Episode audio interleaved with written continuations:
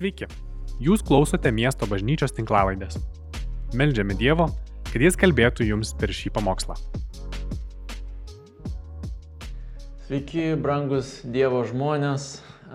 Šiandien mes kalbėsim apie darbą. Iš tikrųjų, du sekmanius kalbėsim apie darbą, apie darbo prasme, apie darbo gerumą ir apie tai apskritai, kodėl ir kaip mes turėtumėm dirbti.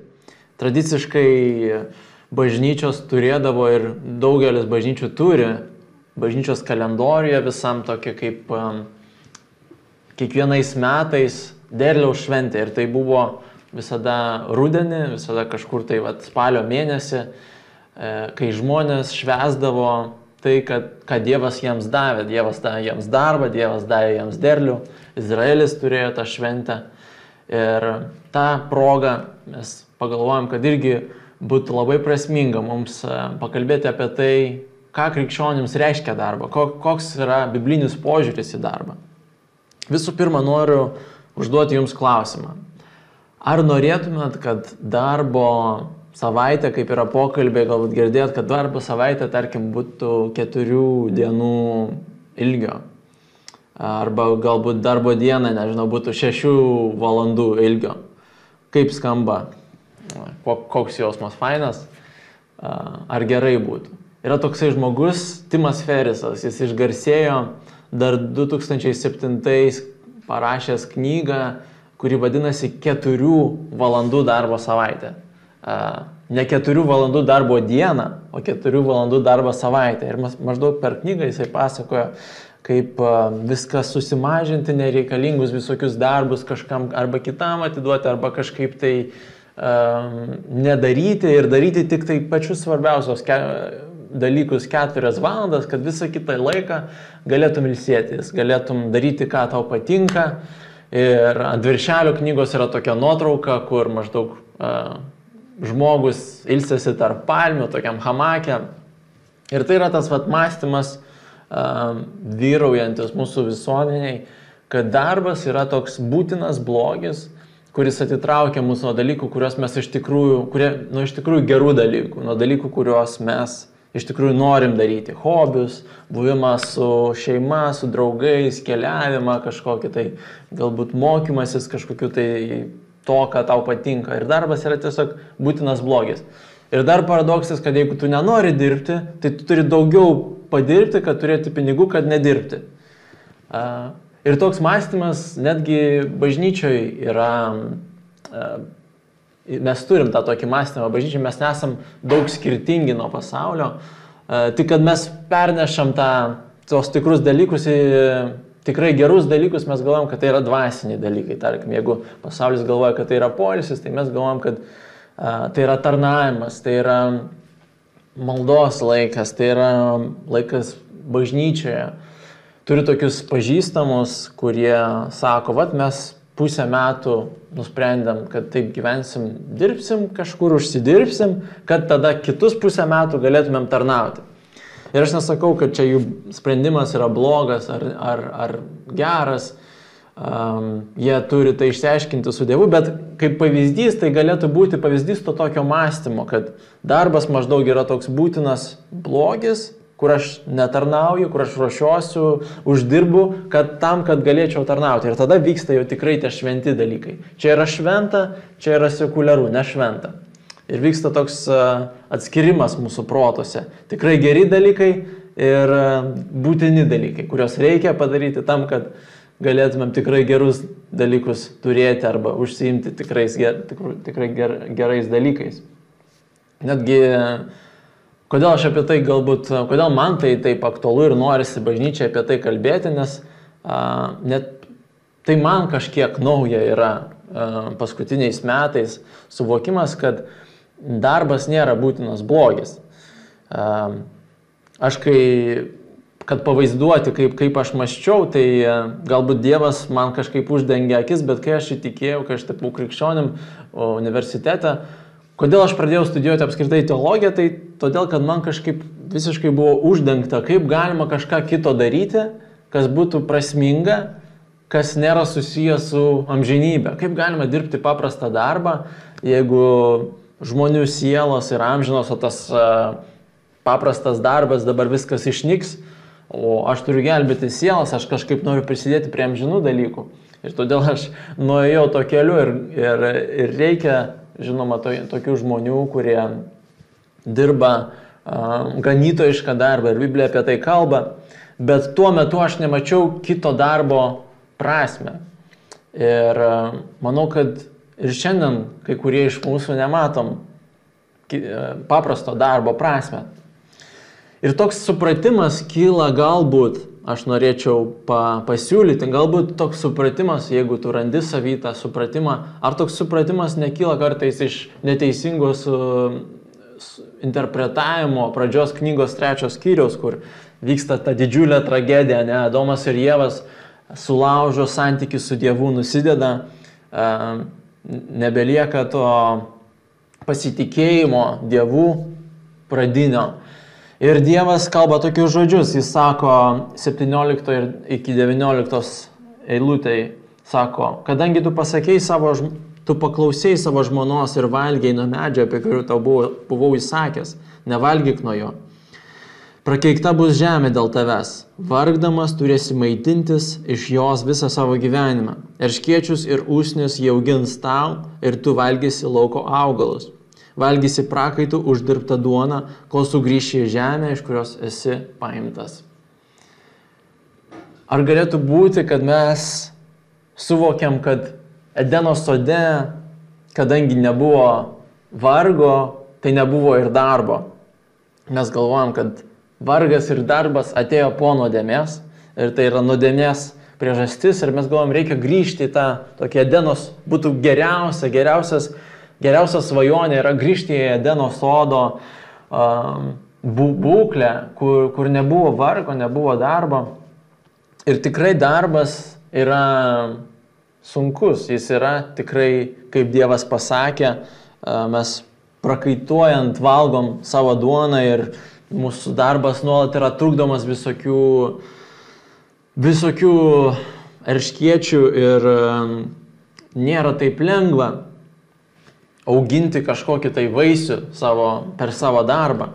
Mes, pavyzdžiui, kai, kai atvažiavom į Vilnių su Vaida gyventi, pirmais metais aš dirbau Western Unione ir mano diena atrodė, tarkim, taip, valandą aš keliavau iki darbo, po to darbe kaip ir 8 valandas turi dirbti, bet plus vieną dar pietų pertrauką būtina ir vieną valandą atgal. Tai iš viso 11 valandų aš buvau nenamie ne pati geriausia aplinka auginti jauną santoką. Ne? Ir tai dar yra turbūt mažiausias iš vargų, kur žmonės patiria, tokios ilgos valandos, daug kas patiria um, menkinimą darbe, kažkokį tai ma blogas sąlygas, um, ma mažus atlyginimus už, už ilgas valandas ir per istoriškai dar buvo blogiau.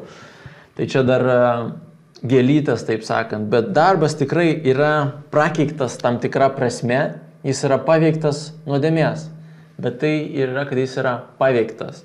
Jis yra kaip obolys paveiktas pelėsio, bet pats iš save obolys kaip vaisius nėra blogis, taip pat ir darbas pats iš savęs nėra blogis. Dievas nekeikia, neprakeikia darbo ir nesako dabar Dabar aš atgailauju, kad aš viską sukūriau, kad aš dirbau, tai buvo blogai, dirbti yra blogai, žodžiu. Neteisingų kelių ėjom. Dievas nekeičia pačio darbo esmę, pačio darbo buvimo gerų. Jis tik sako, kad dabar darbas dėl nuodėmės bus sunkesnis, jis bus paveiktas visokių trūkdžių, jis bus paveiktas skausmo ir uh, ir mums bus jį sunku daryti, bet visgi jis išlieka geras. Dievo, Dievas duoda mums darbą kaip dovana. Visų pirma, pirma priežastis, kodėl darbas yra dovana, tai yra Dievas pats yra darbininkas. Pirmam skyriuje mes, mes skaitom, kaip Dievas um, sukuria pasaulį, ar ne? Jis galėtų, turė, turėjo galę, turėjo visko, ko reikėjo, kad dirbti ne, net ne keturių valandų darbo savaitę, bet vienos valandos arba iš viso nulio valandų darbo savaitę Dievas galėjo turėti. Ar jis galėjo atiduoti angelams, ar dar kokiam nors dangiškom ten būtybėm sukurti viską, o pats ilsėtis, užsimti savo mėgstamais dalykais, hobiais.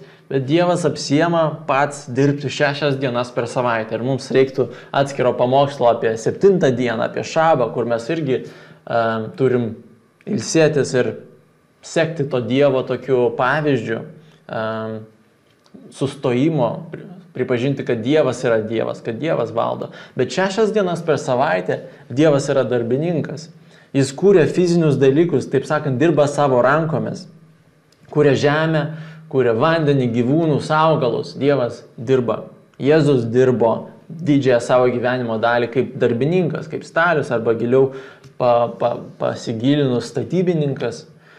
Um, dievas, būdamas kuriejų, visatos statybininkų, sukuria mus savo pavydalu būti irgi darb, darbininkais, statybininkais.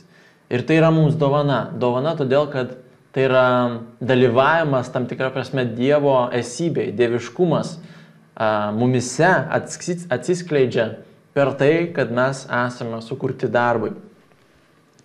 Um, kita priežastis, kodėl darbas yra dovana, yra Dievas iš karto po to, kai sukūrė Adomą ir Jėvą, sako jiems tokius žodžius. Dievas juos palaimino, pirmą, tik sukūręs, palaimina ir tarė, būkite vaisingi ir dauginkitės, pripildykite žemę ir žvaldykite ją, viešpataukite jūros žuvims, padangių paukščiams ir kiekvienam gyvam padarui, kuris krūta ant žemės. Iš karto po sukūrimo, pirmas dalykas, kurį Dievas jiems sako, tai yra darbo aprašymas. Kai mes galvojam, kad galbūt galvojam, kad Edeno sodas buvo toks kurortas, kur Adomas ir Jėva ilsėjosi, mangai buvo nulupti, supjaustyti į gabaliukus ir jiems krito į burną, e, tie gyvūnai nieko blogo nedarė, nedarė nelaužė medžių, ne, nesituštino ir po jos nereikėjo tvarkyti nieko, tik ateina toks dramblys, nuvežė tave prie, kriok, prie krioklio, tu maudaisi, mėgaujasi. Dievas sako, aš turiu jums darbą, tik sukūręs. Štai jūsų darbo aprašymas. Jūs turit veiklos. Ir uh,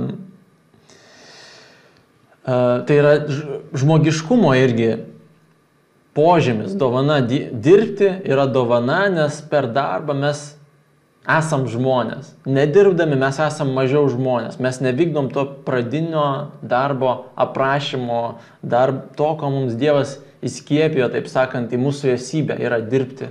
Um, prižiūrėti žemę, valdyti, kurti, um, tvarkyti, saugoti, atskleisti to sodo, kurį Dievas mums patikėjo potencialą ir mes dar prie to grįšim. Bet uh, Dabar noriu pereiti prie kito dalyko, kodėl darbas yra dovana. Antram skyriuje Dievas labiau paaiškina, ką reiškia buvo, kas yra jų tas darbo aprašymas, ką jie turėjo daryti. 15 eilutė antros skyriaus. Ir paėmė viešpas Dievas žmogų ir apgyvendino jį Edeno sode, kad žmogus jį įdirbtų ir prižiūrėtų. Kai aš sakau um, savo kaimynui, dabar išvažiavęs, paprašiau, prižiūrėk katiną, prašau. Aš turiu omeny, išlaikyk jį gyvą, prašau. Aš turiu omeny, kai grįšiu, aš noriu, kad namai būtų nesugriauti ir kad katinas mm, būtų dar gyvas. Dievo suvokimas prižiūrėjimo ir ką jisai čia sako Adomui ir Jėvai yra visiškai kas kitko. E, atsimenat, buvo Jėzus, yra Jėzus palyginimas apie šeimininką, kuris iškeliauja į tolimą šalį ir savo tarnams trims padalina turtą, kad jie jį prižiūrėtų. Patikė jiems savo turtą ir mes sužinom, kai jis grįžta, ką reiškia tas prižiūrėjimas, nes paskutiniam, kuris, kuris mano manimo labai gerai prižiūrėjo tą turtą, tą talentą, kuris jam buvo duotas, jis jį saugiai iškasė duobę, pas, kad nieks nepavoktų, gražino, taip sakant, gyvų, nenus, ne, nenujėmė nieko nuo to talento, tas talentas nenukentėjo, jis jį saugiai gražina Dievui. Ir Dievas jį nubaudžia.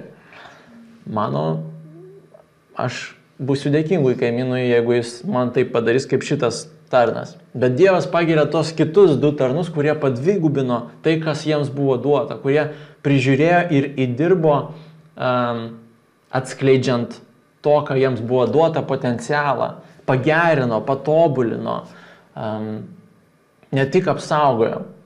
Tai Dievo užduotis Adomui ir Jėvai ir taip pat visai žmonijai, kai jis mums kažką duoda, kai jis mums duoda kažkokį tai lauką prižiūrėti, kažkokį tai sodą prižiūrėti, yra ne tik tai, kad mes išlaikytumėm tai, kaip buvo, nepadarytumėm blogiau, bet jis visada nori, kad mes atskleistumėm daugiau. Tai yra dovana, nes Dievas mums patikė atsakomybę. Dievas sako, aš tikiu, kad jūs galit, aš duodu jums laisvę tvarkyti, kaip jūs norit ir kurti, kaip norit. Ir e, aš manau, kad jūs padarysit gerą darbą. Dar viena priežastis, kodėl darbas yra dovana, yra, kad tai yra bendradarbystė su Dievu galimybė. Kai uh, toliau skaitom 19 eilutėj, Dievas sukūrė gyvūnus ir jis duoda Adomui galimybę pratesti jo darbą, jo kūrimo darbą, pavadindamas a, tos gyvūnus, kaip Adomas nori. Viešpas Dievas padaręs iš žemės visus žvėris bei padangių paukščius, juos atvedė prie Adomo, kad matytų, kaip jis juos pavadins. Kaip Adomas pavadino kiekvieną gyvą padarą, toks ir yra jo vardas. Tai yra dovana bendradarbiauti su Dievu, pratesti tai, ką Dievas pradėjo ir dovana kurti, Dievas nesako Adomui, ką čia padarėjai, koks čia žirafas, čia ne žirafas, čia geltonasis, ten ilgakaklis, aš teisingai žinau, koks turėtų būti jo vardas, čia ne žirafas. Nu, sako, gerai, žirafas tai žirafas, aš pasitikiu Adomu, tegul jis daro, kaip jis išmano. Jis norėjo pažiūrėti, kaip Adomas pavadins. Dievas duoda mums darbą, kad pažiūrėtų, kaip, ką mes iš jo padarysim kad pažiūrėtų, kaip mes kursim, kaip mes pratesim jo darbą. Dievas duoda, a, vaikai, tarp kitko, irgi yra darbas. Darbas yra bet ką, kur mes įdedam pastangų, a, kad gauti kažkokį rezultatą. Dievas patikė vaikus, jis žiūri, jis pradėjo tą kūrimo darbą, ne, Dievas sukuria vaiką ir sako, dabar tavo galimybė, tau dovana pratesti tą kūrimo procesą. Kaip tu jį pavadinsi, kaip tu jį išauklėsi, ką tu su juo darysi. Aš noriu pažiūrėti. Aš noriu, kad tu atskleistum jo potencialą. Ir aš grįšiu, aišku, ir paklausiu tave, ką tu, ką tu padarėjai. Ar tu jį tiesiog apsaugojai, kad nieko nenutiktų, ar pagerinai, patobulinai, atskleidai potencialą, taip pat su darbais, su mokslais, su viskuo, ką Dievas mums patikė, kur mes turime dėti pastangų. Dievas duoda mums tą dovaną um, kurti. Ir paskutinis dalykas, kodėl darbas yra mums Dievo dovana, o ne būtina kančia, būtinas kažkoks tai blogis. Tai yra, kad darbas yra vienas pagrindinių būdų, kaip a, mes garbinam Dievą. Adomas ir Jėva neturėjo tų tokių šventų užsiemimų, kaip mes dabar turim, jie neėjo į bažnyčią, sekmadieniais jie neturėjo rytinio, vakarinio Biblijos skaitimo laiko, maldos grupelio, nors mums dabar tai yra būtina tiesiog turėjom, kad turėtumėm santykių su Dievu dėl nuodėmės, bet tada jie neturėjo to tokio atskirimo apskritai šventą ir nešventą. Jų pagrindinis gyvenimo aprašymas buvo vykdyti tai, ką Dievas jiems pasakė. O tai mes kalbėjome apie tą darbo aprašymą, buvo įdirbti ir prižiūrėti sodą. Ir tai buvo pagrindinis jų būdas garbinimo Dievo. Um, Ir tai nepakito net po nuodėmės darbas visgi išliko pagrindinių garbinimo būdų. Mes skaitom, kad ketvirtam skyriui apie Kainą ir Abelį, nors tai yra liūdna istorija apie nuodėmę, nuodėmės poveikį. Bet jeigu pažvelgtumėm dar iš kitos pusės, mes matom, kad um, jie ateina atnešti Dievui kaip garbinimą savo darbo vaisių. Ir Adomas pažino savo žmoną Jėvą ir ji tapo neščia. Ji pagimdė Kainą ir tarė. Įsigijau sūnų viešpaties pagalbą ir dar pagimdė jo brolį Abelį. Abelis buvo avių piemo, o Kainas žemdirbys. Kuriam laikui praėjus Kainas aukoja viešpačiui iš žemės vaisių. Taip pat ir Abelis aukoja iš savo bandos riebiausių pirmagimių. Taip pat ir Izraelyje mes matom, kad buvo e, įsakymas Dievo atnešti jam pirmą derlių nuo savo darbo vaisių. Tai buvo garbinimo būdas. Ką tai reiškia? Tai reiškia, kad nebelieka tos atskirties, kad bažnyčiai vyksta tikrai geri dalykai, tikrai šventi dalykai, o darbe tai yra nu, tokie arba mažiau šventi, arba būtini tam, kad aš galėčiau prie šventų dalykų prisidėti prie evangelizacijos, prie, prie maldos. Darbas rytoj, kai tu būsi šiuo metu, to, tokiu pačiu metu, kaip dabar žiūri šį pamokslą, būsi darbe, tai bus tavo garbinimo būdas. E, tai bus aukojimas Dievui savo darbo vaisių. Dievui taip pat rūpi, taip pat daug rūpi, ką mes darom maldoj, kaip ką mes darom darbe. Tai ką tai viskas reiškia? E, kokį darbą tau Dievas yra patikėjęs įdirbti ir prižiūrėti? Koks yra tas tavo Edeno sodas, kur, kur Dievas tau sako, vystyk, tobulink, atskleisk potencialą.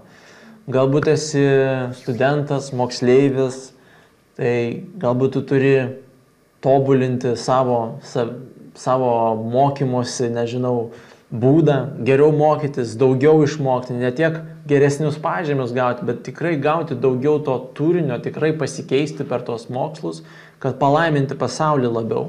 Tai tavo mokslai nėra kažkas tai nešvento, per ko tu turi greičiau praeiti, lengviau, kuo įmanoma mažiau namų darbų, praslysti maždaug. Tai yra tavo garbinimo būdas, kurį Dievas tau šiuo metu patikėjo Ir tai nėra kažkoks menkesnis darbas nei, nei bažnyčios veiklų vystimas ir dalyvavimas. Jeigu esi vaikų priežiūros atostogose arba ne atostogose, tiesiog augini vaikus, tai nėra mažesnis pašaukimas nei dalyvavimas vėlgi bažnyčios veiklose, nėra mažiau šventesnis um, užsiemimas.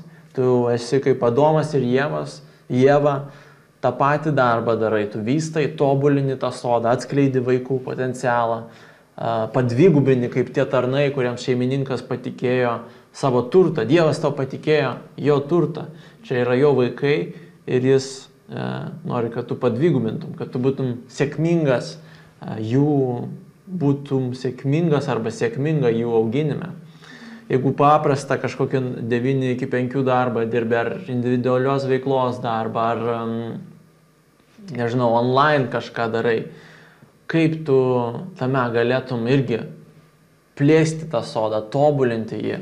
Galbūt, e, nežinau, filmuoji, kaip tu galėtum vis geriau filmuoti ir fotografuoti, e, kad labiau žmonės būtų palaiminti, kad jiems tie prisiminimai, ką tu nufilmuosi ar e, nufotografuosi, būtų dar labiau įsimintini, dar labiau gražus jeigu augini kažkokius tai augalus, kaip galėtum dar sveikesnius tos augalus um, iš, užauginti, kad, nežinau, galbūt jie gražesni būtų, ar parduodi kažką, kaip atskirti kokiam žmogui, koks dalykas labiau geras bus, labiau tiks.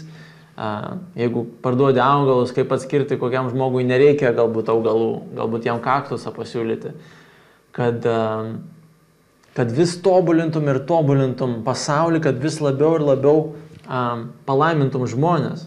Jeigu mokini turi mokytis pats vis iš naujo ir iš naujo, kad geriau apmokyti, kad žmonės vėlgi labiau uh, iš to pasisemtų, labiau būtų palaiminti, kad tas sodas, kurį tau Dievas patikėjo, būtų vis tvarkingesnis, vis gražesnis, uh, vis tobulesnis ir vis didesnis. Um, Tai va, mes dabar pasimelsim. Visų pirma, norisi paprašyti turbūt atleidimo Dievo, kur mes skyriam tą šventą ir nešventą ir pamiršom, kad tai, ką mes galvojam, kad darbas kažkoks yra mūsų nešventas, yra irgi Dievo dovana, kur Dievas nori būti įsitraukęs. Neįmanoma mylėti Dievą visą širdimi, visų protų, visą jėgą, jeigu tu nemyli jį savo darbe. Darbas yra pusė mūsų gyvenimo, kur tikrai Dievas nespaudžia pauzės ir nesako, dabar mes biški palauksim, kol grįšim namo ir galėsim melstis, arba kol ateis sekmanis, galėsim melstis. Kviečiu jūs pasimelsti kartu, paprašyti, kad Dievas mus palaimintų. Dieve, mes dėkojam tau už darbo dovaną. Atleisk, jeigu galvojam, kad tai yra kančia, kurios reikia išvengti, per kurią galbūt reikia praslysti. Atleisk, jeigu nesuvokiam, kad Tai yra tavo mums vienas pagrindinių būdų tave garbinti viešpatė. Mes prašom tavo atleidimo, tavo mąstymo pakeitimo, atnaujink mūsų mąstymą pagal save, pagal, pagal tai, koks tu esi. Ir padėk mums pamatyti tos būdus, suprasti tavo, tavo kvietimą, tavo balsą, būtent savo individualiam tam laukia, individualiam kiekvieno sode, kaip, kaip jį prižiūrėti, kaip jį dirbti, kaip atskleisti jo potencialą viešpatė, kaip pagarbinti tave per, per savo darbo vaisių. Dėkojom tau viešpatė, kad tu nori atsakyti šią maldą, kad tu nori mus lydėti tuo teisingu keliu. Jėzaus Kristus vardu to prašom. Amen. Ačiū, kad klausėte. Daugiau informacijos rasite mūsų svetainėje miestobažnyčia.lt arba Facebook, Instagram ir YouTube paskyrose.